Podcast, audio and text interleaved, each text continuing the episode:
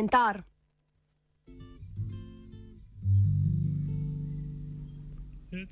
Krvavo zelena je nova črna.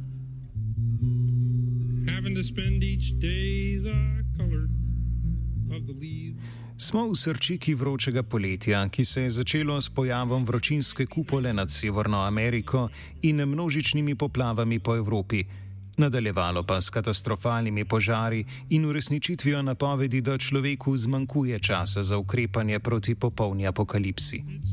Premislimo o dosedanji vodilni retoriki, ki je spremljala takšne in drugačne grožnje.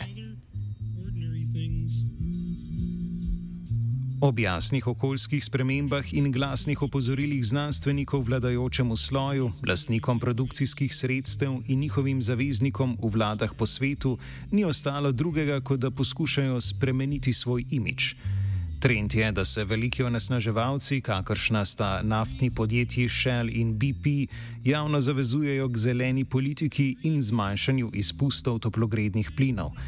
Absurdnost tega je očitna, kar pa ne pomeni, da takšne najave v politiki niso dobro sprejete ali celo pohvaljene.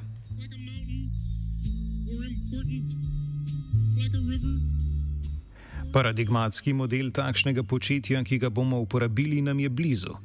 Gre namreč za cementarno Salonit Anhovo. Maja je družba praznovala svojo stoto obletnico delovanja, ob tej priložnosti pa naznanila, da načrtuje zeleni prehod in da bo do leta 2025 uvedla rešitve, ki bodo vodile do 15-odstotnega zmanjšanja ogličnega odtisa. Član uprave Dejan Cviter je na novinarski konferenci takole povzel vrednote podjetja. Kot odgovoren gospodarski subjekt stremimo k pragmatičnemu napredku. Ne živimo v preteklosti, niti ne želimo slediti utopijam, ampak verjamemo v uspešno, postopno prilagajanje s skrbno načrtovanimi in izvedljivimi koraki.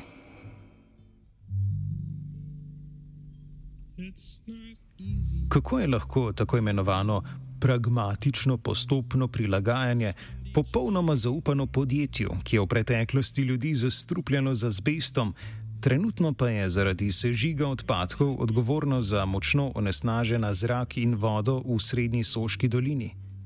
Ob tem je imelo lani 11 milijonov čistega dobička, predlani pa zgodovinsko visokih 15 milijonov. To je torej zelo uspešno dobičkonosno podjetje, In vsekakor je čudno, da se takšni cementarni dajo proste roke pri moralnem odločanju, ki bo vplivalo na življenje širše skupnosti.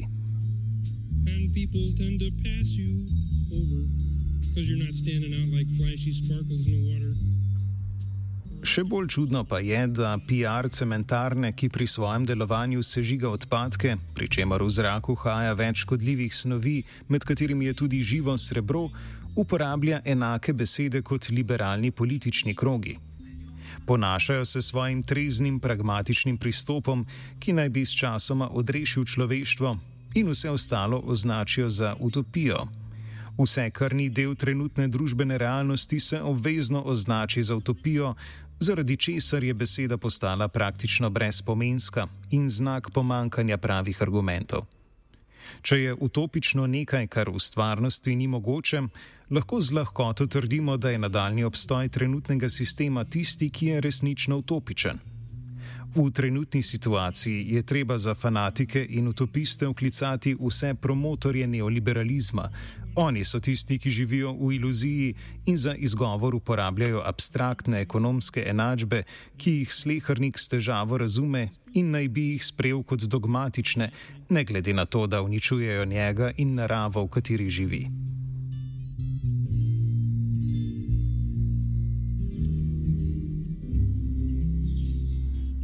Glede na nedavno izdano poročilo IPPC se bo Zemlja v približno dveh desetletjih segrela za 1,5 stopinje Celzija.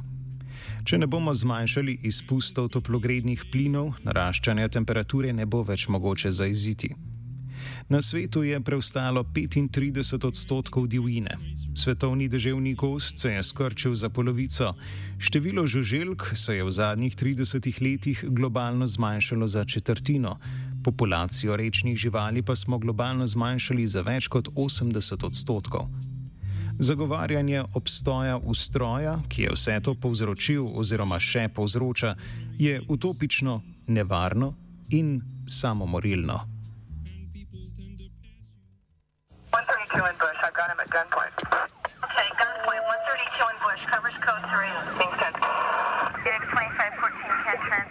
Povsem v skladu s tem, da veliki onesnaževalci svobodno izbirajo svoje korake, je pridiganje o individualni odgovornosti do okolja. O tem, kako lahko čisto vsak kaj malega prispeva, če le ne kupi plastične slamice. Medtem pa je bilo glede na poročilo iz leta 2017, ki ga je opravila neprofitna organizacija CDP, od leta 1988 za več kot 70 odstotkov izpustov toplogrednih plinov krivih samo 100 podjetij. Prepoznani so očitni zlobneži, vendar se s težavo vzpostavi močna alternativna pripoved, ki bi zlobneže v slogu klasičnega hollywoodskega filma prikazala kot take. Take, ki jih je za preživetje nujno poraziti, ker grozijo tebi in tvoji družini. Ekstaza množic ob pacu hudobneža je zagotovljena, če imaš dober scenarij. Argument, da ljudje ne verjamejo grožnji ali da jim je vseeno, je prikladen, ker krivdo ponovno prelaga na neumne množice. Vse vrste liberalnih mislecev morajo nehati podcenjevati ljudi, ki prepoznajo njihovo vzvišenost in prazno govoričenje v slogu PR-a o zelenem prehodu. Namesto tega sta potrebni iskrenost in resnična skrb, v luči katerih bi se izrisalo dobro nasproti teme.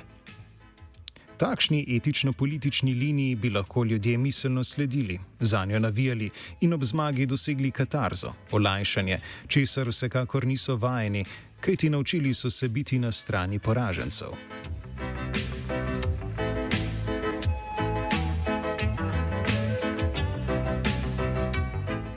Slovenski referendum o zakonu o vodi je pokazal, da je lahko civilna družba na področju okoljevarstva razmeroma uspešno sporočila, kdo je the bad guy, ki želi zaradi svoje pohlepnosti uničiti lepoto in dobroto narave, ki človeku omogoča blaginjo. Glavni slovenski ponos so naravne lepote, iz katerih izvira najčistejši patriotizem. Zakaj ne bi tega izkoristil in se v boju s pošastmi postavil kot junak? Politične stranke na levi strani spektra, pri katerih je radikalnejša misel neobstoječa, bi lahko svoj politični interes za takšno početje poiskale v odzivu, ki ga je imel referendum, katerega vprašanje je uspelo ostati razmeroma nepolitično.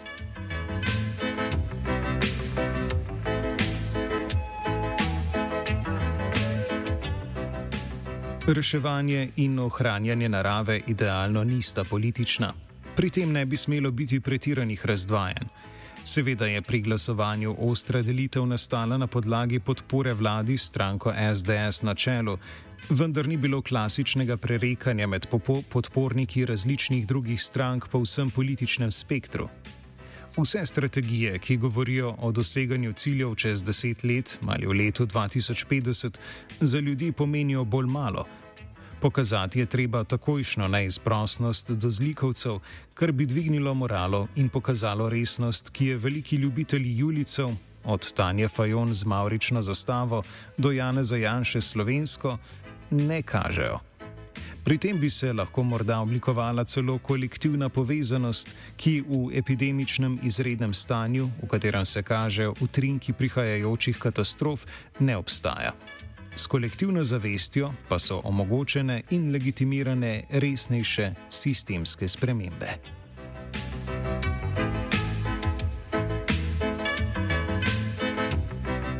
Pisala je Aida.